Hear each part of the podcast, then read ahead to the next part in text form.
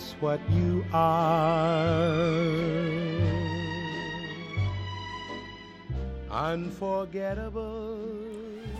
Já, það er nú kannski upphafið að ég naut þess heiðurs árið 1976 að vera í hópi nokkra Íslendinga sem að sátu í sendinemnd á Íslands á allsherraþingi saminuðu þjóðana.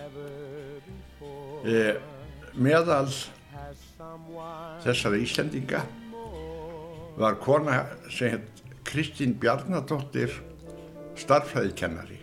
Einn daginn segir hún við okkur ég þarf að skreppa og heimsækja gamla frænku mína sem er búin að búa hérna í 25 ári í New York og eh, ég, ég ætla nú að fara og hitta hana.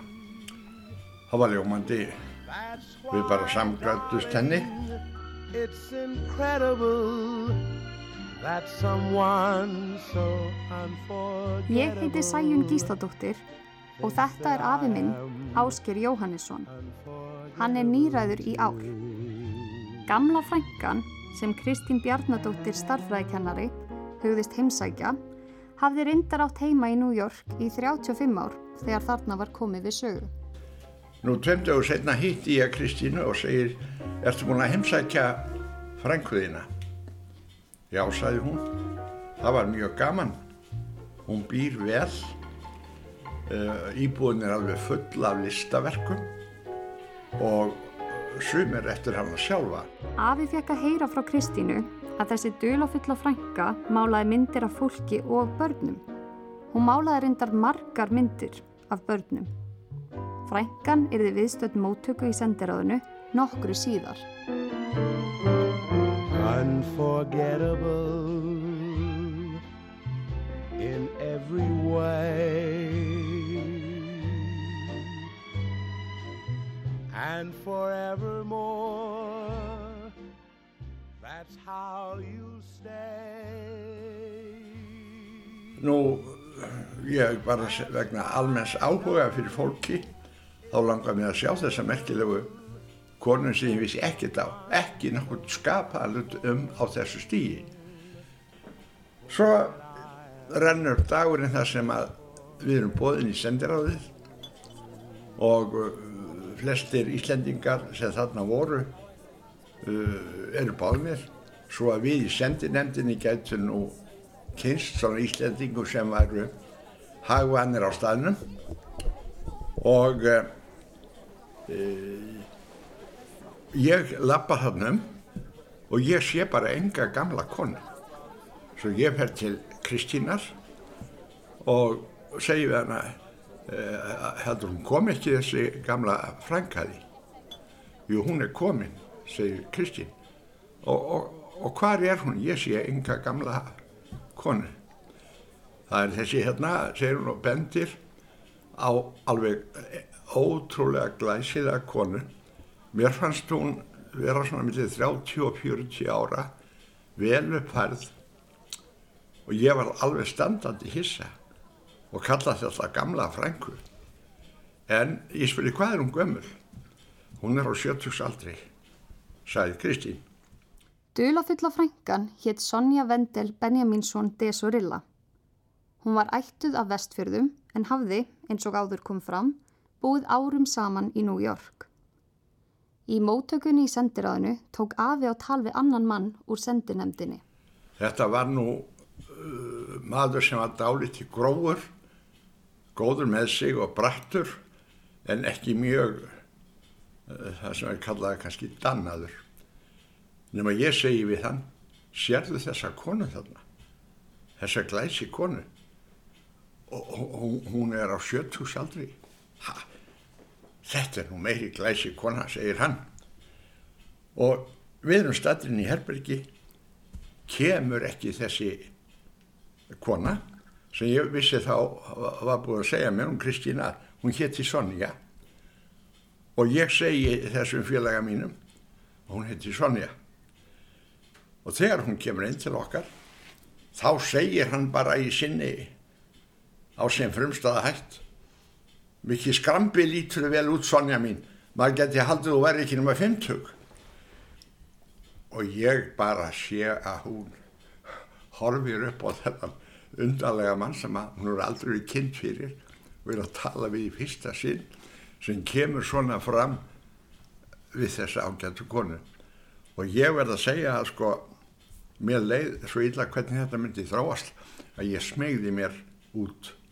Og ég veit ekki hvernig þeirra samskipti urðu. Þrátt fyrir stutt kynni í þessu herbergi með þessum ódannaða Íslandingi þá fann Sonja afa aftur og segir Ásker, við töluðum svo lítið saman áðan. Eigum við ekki aðeins að setjast og spjalla? Nefn að við setjumst niður og eh, hún ræður, takk eftir, hún ræður alveg ferðin í okkar uh, samtali. Hún spyr mig þannig spurninga að ég verða svara uh, og, og spurningarna voru svo örfandi þar voru svo um sko eitthvað jákvægt og við spjöldum saman í næri 20 mínutur og þetta er finnst mér mest hrífandi samtal sem ég hef átt því hún var listamadur í samtölum. Hún, hún, hún sko hún bjó yfir þeirri samtalstekni að hún örfaði mann, mér fannst ég vera miklu meiri kall heldur en ég var raunulega að. Ég hef aldrei vorðið varfið það, en þetta er raunulega fyrstu kynni mín af Sonju, afburða hæfileika til að halda uppi samtölum við fólk, ná til þess örfaða á jákvæðan hátt. Þetta er, ég ótt hugsaði um þetta því að, að, að mér er svo minnist þetta, samtal og ég er ekki undir áhrifum frá uh, setni sögum sem við hertum hana að ég veit ekki um hana. Sonja átti eftir að verða áberandi í íslensku samfélagi. Afi fylgist alltaf með Sonju, heyrði af henni fréttir og dáðist að henni, en hann hýtti hana aldrei aftur. Hún var bara kona sem að glemdi ekki svo glatt.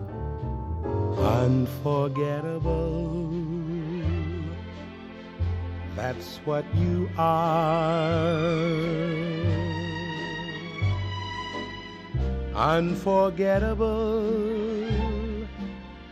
though near or far. Like a song of love that clings to me. How the thought of you does things to me.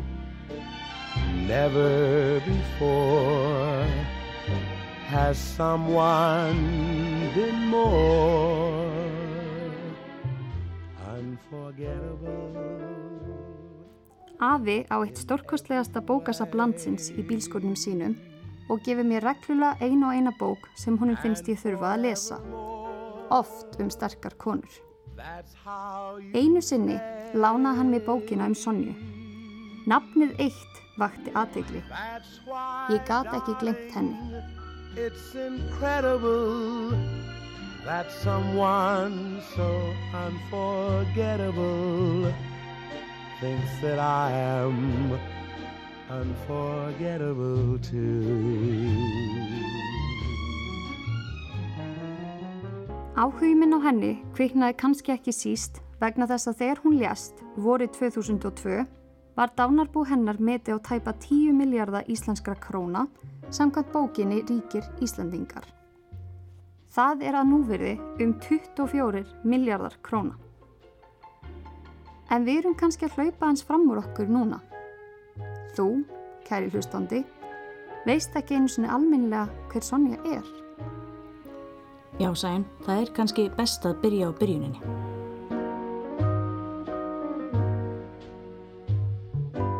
Ég heiti Katrín Lilja Jónsdóttir og varð eins og sæjun mjög forvitin um Sonju eftir lestur æfisögurnar sem Reynir Traustason skrifaði. Í þessari þáttaröð ætlum við að fræðast um ótrúlegt lífslaup Sonju Vendel Benjaminsson de Sorilla og kynnast personu Sonju eins og hún byrtist okkur og þeim sem hana þekktu. Við ætlum að grafast fyrir um það hvað varðum auðinnar og kannski leiði eitthvað nýtt í ljós. Staðrindin er svo að eftir að Sonja ljast hefur lítið frest af auðafum hennar. Stopnaður var sjóður Sonja Foundation í kringum auðin sem er skráður í Connecticut fylki í bandaríkjónum.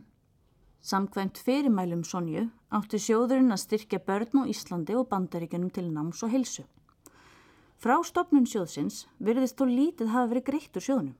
Yfir sjóðnum voru tveir stjórnamenn, bandarískur lögfræðingur, John Ferguson og frændi Sonju, Guðmundur Birgisson frá Núpum. Í gegnum árin hafa málefni sjóðsins nokkrum sinnum komið til umræðu í íslenskum fjölmiðlum.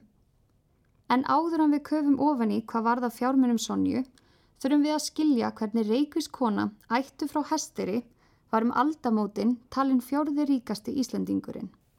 Skipafréttir, Gullfoss er í Kaupmannahöfn, Goðafoss kom að vestan og norðan klukkan átta í gerðmorgun, Brúarfoss kom frá útlöndum í fyrirnótt, Lagarfoss fór frá Kaupmannahöfn í gær, Dettifoss fór frá Hull í gær áleiðist til Reykjavíkur, Selfoss kom til Líð í gerðmorgun.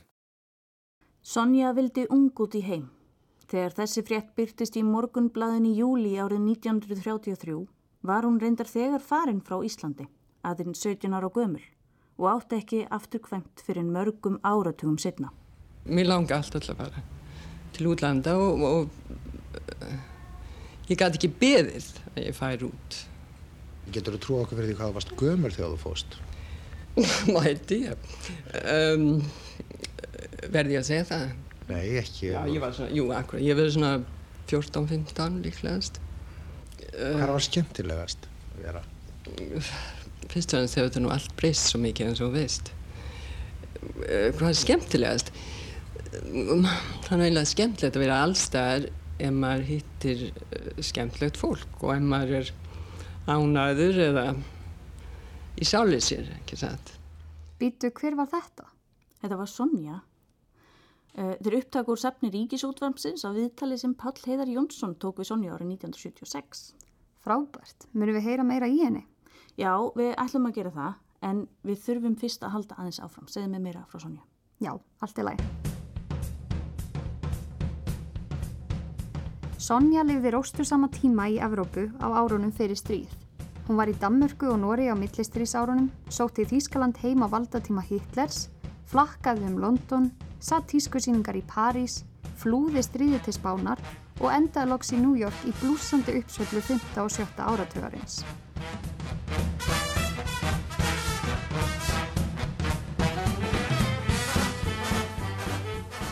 Sonja var kona sem sóttist eftir því að blanda geði við efstu stygg samfélagsins.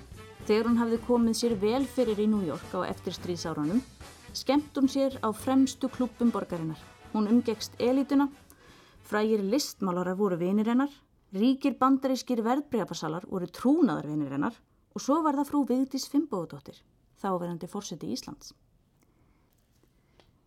Vigdís Fimbóðadóttir kynnti Sonju á efri árum og urðið þær að hennasögn ágættir mátar. Hún ritaði formálan að æfisögu Sonju þar sem hún sagði meðal annars að það hafi verið gaman að þekkjana. Hún hafi verið ógleymanleg öllum sem kynntust henni, gullfalleg kona. Heimskona í orðsins fylstu merkingu. Já, hún var skarfgrind og, og, og skemmtilega þessu leiti því að hún var, ég, ég var svo mikið trúnað vinkona, hún svo ofiskáðið mig saði mér svo allt sem hann og svo var hún peningakona Í formólanum segir Vigdís að Sonja hafi verið aðtugul gerði skondnar aðtugasendir við ólíklegustu tækifæri en var jafnframt umtalsfróm svo að af bar. Hún vissi allt um Dow Jones vísitöluna og næsta kauphöllina á verbreyfamarkaðinum í New York og skemmti sér við að leika á þann markað eins og hvert annað hljófari.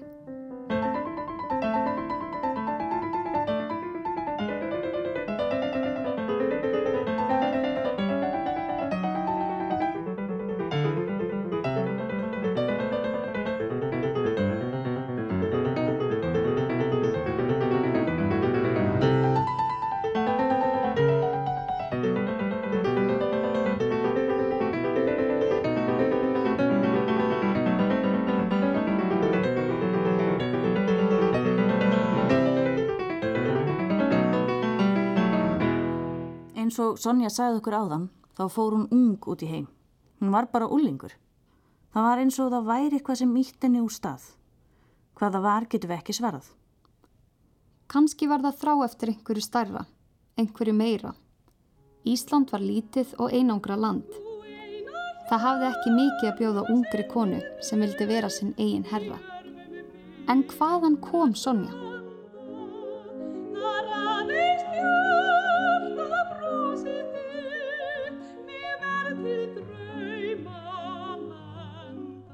Sonja fættist hjónunum Ólafi Benjamin sinni og Maríu Vendel árið 1916 í Reykjavík þar sem hún er uppalinn. Hjónin voru af efri stjættum íslensk samfélags á þessum tíma, höfðu nýlega fluttin í íbúð við tjarnargötuna með dætur sínar tvær, Ástu, eldri sýstu Sonju og Sonju sjálfa. Ólafur var stórtækur kaupmaður, fættur og uppalinn við bá, kjör og hesteri. Hann vand sig hratt upp metorðastegan í samfélaginu og þingari. Marja, móður Sonju, var dóttir norsks faktors frá Þingeri. Ólafur hafi mist föður sem 13 ára gamall og fór sem ungur maður að vinna hjá föður Marju á Þingeri. Hann vann sig upp í tign hjá honum og síðar fældu þau Marja hugið saman. Þau giftu sig í Oslo árið 1907 og hjæltu til Kaupmannahafnar þar sem Ólafur laði stund á Vestlunanám en starfaði einnig í viðskiptum um hríð. Tveimur árum eftir að Sonja kemur til sögunar, árið 1918 sem sagt, fæðist yngri sýstir Sonju, Ragnar. Ragnar léstur lungnabólgu aðeins fjögur ára gömul og minnist Sonja þessi æfiminningum sínum að það hafi verið hennar fyrsta sorgarminning. Annars átti Sonja öruga og góða esku í velsælt, hann skorti ekkert.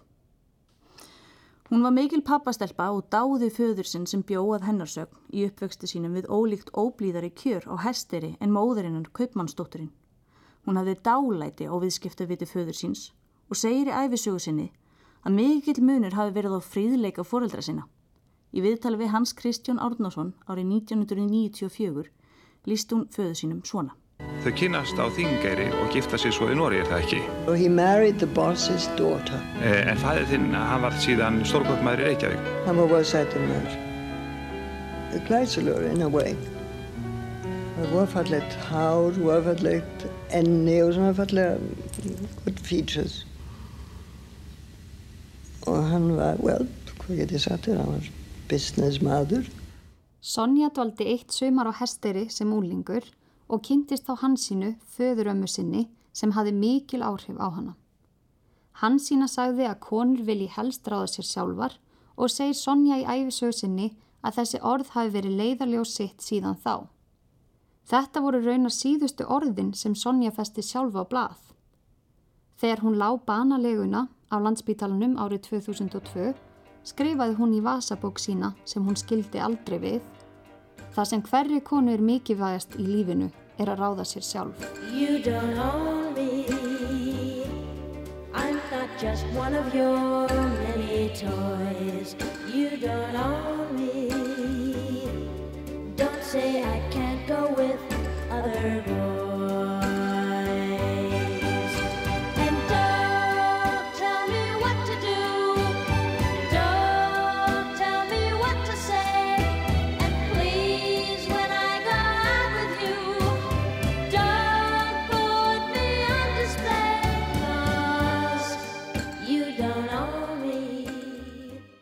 Árið 1929 var mikið mótunar ári í lífi Sonju. Hún var 13 ára á viðkvæmum úlingsaldri. Þetta var árið mikill að breytinga og uppgötufana í lífi hennar. 1929 var árið sem hún átti hitt áhrifaríka samtal við ömmu sína á hesteri, þar sem hann kynntist frelsinu fjara í fóreldrahúsum í örugum faðmi vestfiskra fjalla. 1929 var líka árið sem verðbrífarmarkaðurinn í New York hrundi. Það hafði enginn teljandi áhrif á líf Sonju á þessu sinni en kreppa var yfirvofandi á Íslandi og í heiminum öllum. Og 1929 var Ólafur fadir Sonju ráðin framkvæmdastjóri Eimskipafélags Íslands. Hann átti að hefja störf 1. oktober en tók þó aldrei við stöðunni. Fyrsta starfstægin fór Ólafur gangandi til vinnu sinnar en fekk slag á leiðinni. Hann var aðeins 50. Ólafur náði sér að veikindunum en í annari tilraun að starfstillinum neyk hann aftur niður á sama stað og var aldrei samur eftir það. Við skulum heyra lýsingu Sonju sjálfrar á ástandi föðusins úr æfisögu hennar.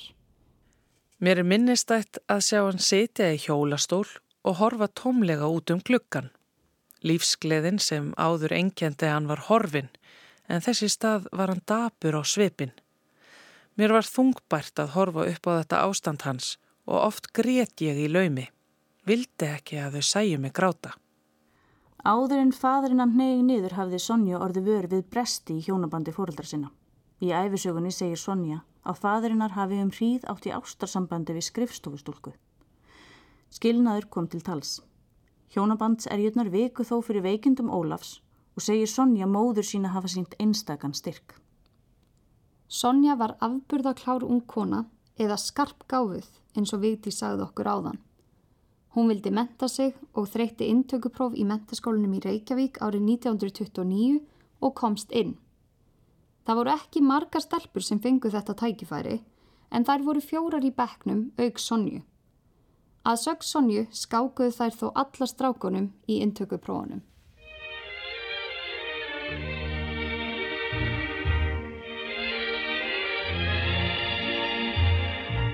Hún var þrjú ár í MR 1929 til 1932 og lifði lífinu eins og venjuleg úlengstúlka. Hún fletti blöðum með fréttum úr tískuheiminum og af hönnun Coco Chanel og hétt sjálfur sér því að fara til Parísar eitt dagi. Hún naut lífsins með vinkonum sínum, fór mikið í bíu með tilkomi talmyndana og sá til dæmis City Lights eða Borgarljós Chaplin en tónlistin og myndin er spiluð hér undir. Hún átti síðar eftir að sjá Chaplin bregða fyrir í bóðum fína og fræga fólksins í New York og sækja tískusýningar Coco Chanel í París.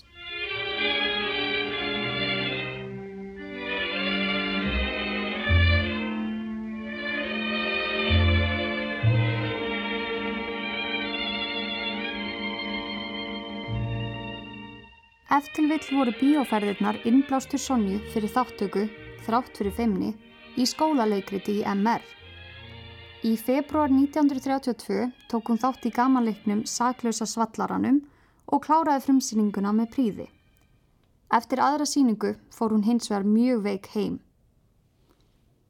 Nokkru fyrir síninguna fann hún fyrir óþægindum í hálsi.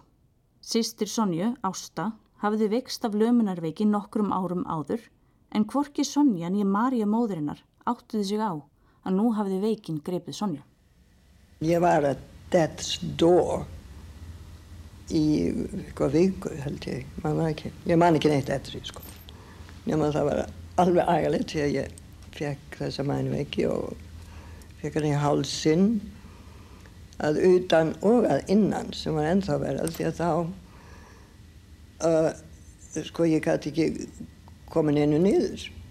All, allt sem borðaði kom upp. Ég gæti ekki kynnt og það var þá sem að þeir uppgötu að ég var með mænuveiki og svo var handlegurinn á mig svona höfuði hjekk út á auksl og anyway, ég náði mér.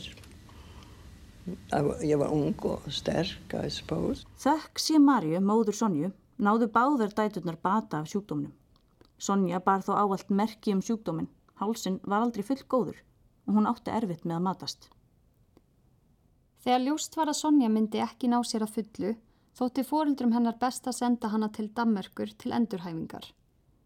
Þótt aðstæðunar væri slæmar og ástæðan verri, þá var Sonja núna loksins á 16. aldursári á leið út í heim. Hún gati ekki hugsa sér endur komi í mentaskólan eftir þetta. Í mentaskólan? Nei, nei, þá ég var búin með það. Uh, nei, mér langaði ekki að, mér langaði að fara til París verið þetta, það var það sem ég vildi en mamma var nú engin idiot og hún saði ég var á ung til þess. Svo ég var tvö ári í Kaupanöfn svo var ég eitt ári í Þýskalandi hjá Frank okkar sem var gift þjóðverja í Vísbaden til að læra tísku tekníku í þá daga hvað þeir var svona 14, 15, 16 hvað hugsa maður um? maður hugsa um stráka og fött Autumn in Does it seem so inviting?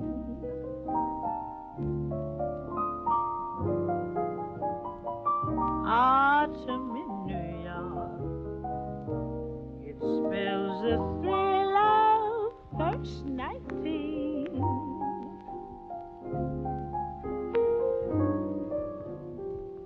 Glittering crowds shimmering clouds and canyons of steel.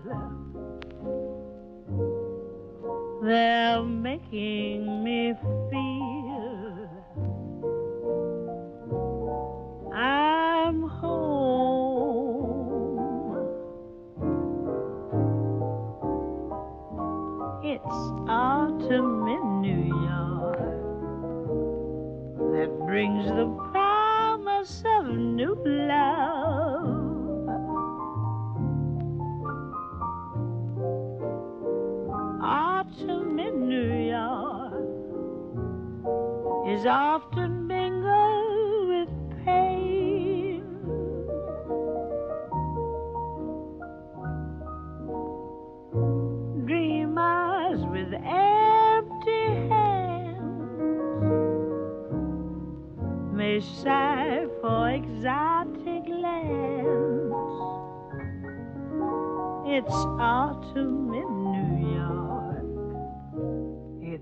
Á árunum 1932 til 1940 dvaldist Sonja viðsvegar í Evrópi við nám og störf. Af því væri eflaust hægt að segja margar sögur, gera heila aðra þáttaröð jafnvel. Já, en við höfum í líki tíma til að doka við núna. Emitt, komum aftur á þessu síðar. Við skulum hoppa fram í tíman til að kynna okkur hvernig Sonja efnaðist. In New York. It lifts you up when you're run down.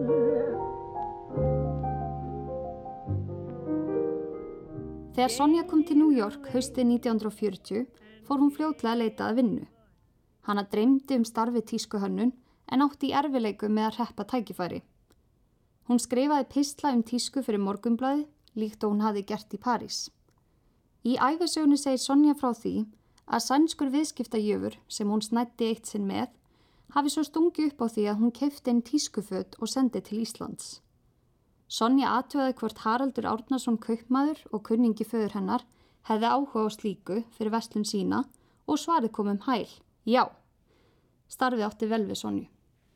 En ung kona í New York með brennandi áhuga tísku gæti engan veginn lifað af þeirri innkomi sem þessi verslun gaf henni.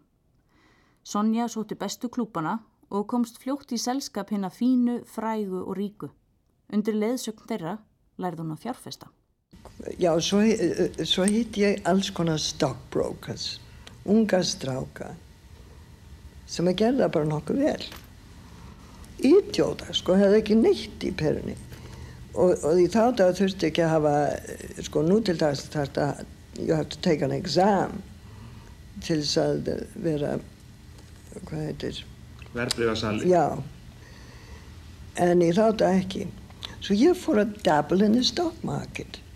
Strax þegar þú ert fljóðlega eftir að þú kemur út. Right, right. Nú bara nokkru mánum eftir, tveimur, ekki. Þarna mátti heyra Hans Kristján Árnason ræða við Sonju um fyrstu skrif hennar á verbreyfamarkaði. Hún reyndist nösk, veðjaði rétt, trekk í trekk og varð mjög umsvega mikil á hlutabrjámarkaði. Þessi umsvið urðu hortsteinnað hennar auði. Guðmundur Franklin Jónsson, atafnamaður og stjórnmálamaður, kynntist fjárfestunum Sonju við lók síðustu aldar þegar hann var að feta sín fyrstu spór sem verbreyfamiðlari á Wall Street. Hann ringdi henn á dag 1 árið 1990 og bauði henni að kaupa hlutabreyf. Hún tók strax vel í það. Hún bara tók mér líka svo forkuna vel og, og það var bara svo gaman að henn að hitta hana sko og hérna. Og henni þótti þetta bara svo merkilegt að það var Íslíku sem var byrjað að vinna og það hefði aldrei gæst skil. Þetta var eitthvað algjörlega nýtt og hún tók mér öppnum ormum og, og var bara alveg eindisleg. Og... Sonja minnist þeirra fyrstu samskipta í æfisögu sinni. Hann var kurteis og kynnti sig hátíðlega og sagðist heita Guðmundur Franklin Jónsson. Hann sagðist hafa heyrt af mér og að sumir hefði líkt getu minni til að ávaksta peninga við töfra og sagt honum að þau bref sem ég fjárfesti í hækkuðu gerðnan í verði. Ég sagði honum að vera ekki að þessu bulli og spurði hvort hann væri sætur. Hann virtist verða undrandi en let ekki slási út af læginu og svaraði því til að hann væri almennt talin laglegur. hún bara opna strax reikning og ég bara mjög gladur og vildi reynda að fá að hitta hana skilur þess að en hún vildi, hún taldi nú enga þörfu á því skilur og hérna og hún byrjaði að kaupa eitthvað svona 100 hlutabröf í IBM og 100 hlutabröf Pepsi eitthvað svona skilur eitthvað svona lítið og hérna og bara og gaman og svo hérna upphóst bara ára uh, langt samband, mörg ár hann til að hún dóblessun og hérna og uh, hún hafði þannig háttin á að, að hérna, hún keipti aldrei meirinn uh, kannski mestalegi 200 bref Þau áttu í miklum samskiptum í gegnum síma fyrstum sinn en síðan breyttist það eftir nokkur símtöl. Ég sagði hann um að koma nokkrum dögum síðar á tilsettum tíma á veitingastæðin Maxims. Sjálf kom ég 20 mínútum of sent á stefnumótið. Þegar ég gekk inn í salin var hann mættur og virtist órólegur. Hún, hún elskaði Ísland og, og ég veit nú ekki hvort hún hafi elskað Íslandinga og hérna hún var nú sett hennu mikið út og þá hún sagði að hún hefði nú aldrei séð Íslandingi í, í pussun sko og hérna og þannig að ég var alltaf passaði upp á það að vera í vel pussu sko það er bara þú veist og hérna Þetta reyndist vera myndarlegur, dökkhærður, ungur maður með svo litið geðingslegt yfirbræð. Hann kom strax vel fyrir og ég sá ekki margt að töfvært við klæðna hans eða framkomu. Ég ákvað að leggja honum eina lífsreglu sem hann skildi hafa í hávegum í samskiptum okkar. Ég þóli ekki karlmenn í óburstuðum skóm eða með illa snirtar neglur, sagði ég. Gundi horfi á mig og ég sá að bóðskapurinn náði í gegn. Sonja var ánað með þannan nýja nefnda sinn og ákvaða miðla af reynslu sinni í viðskipta heiminum. Guðmundur Franklín lýsir Sonju á efru árum sem varfærin í viðskiptum. Hún fjárfæsti fyrst og fremst sér til skemmtunar. Já, ég, hún var að gera þetta sko, hún var náttúrulega að gera þetta til þess að bara hafa hvað að gera.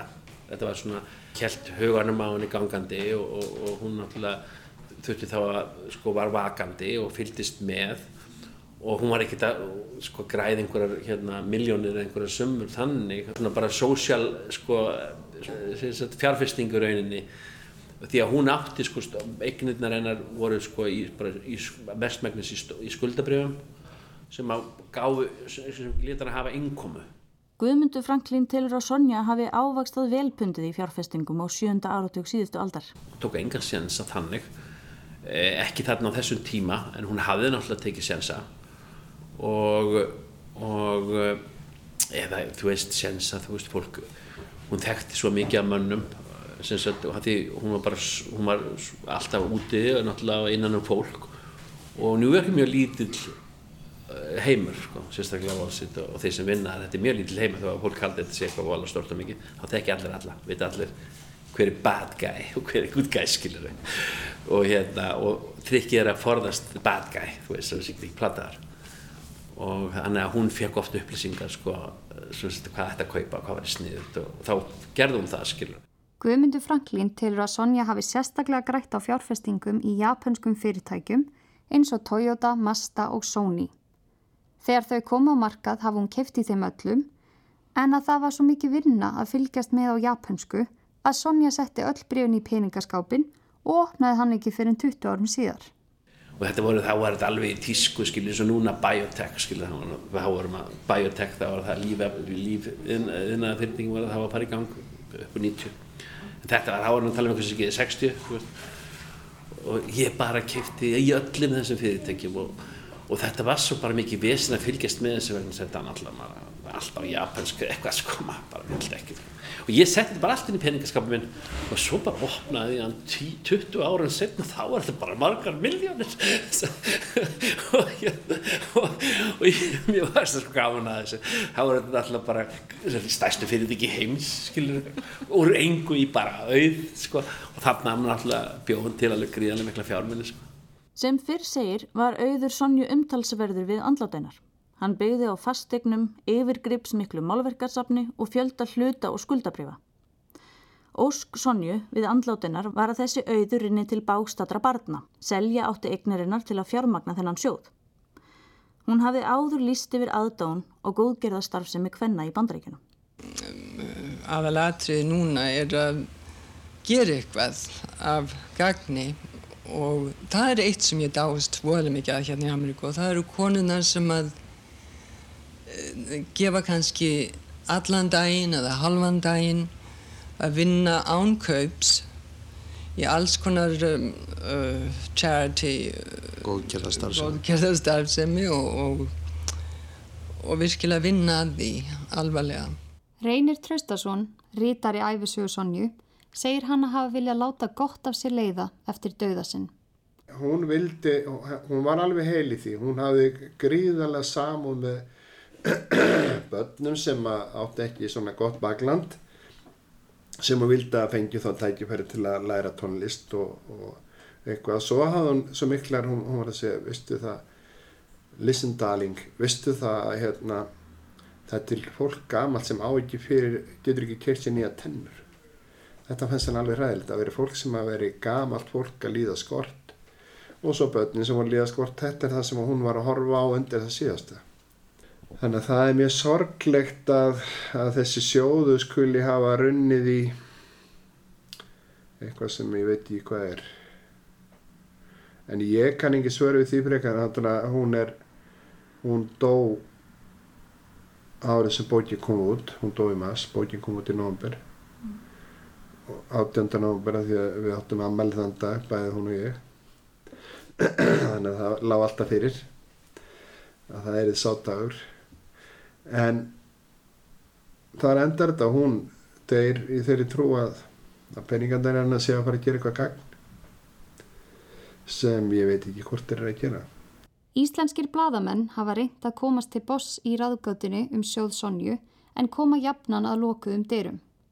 Trausti Hafsteinsson, bladamaður, hefur verið þar fremstur í flokki en hann hefur fjallað um sjóðin frá árinu 2005.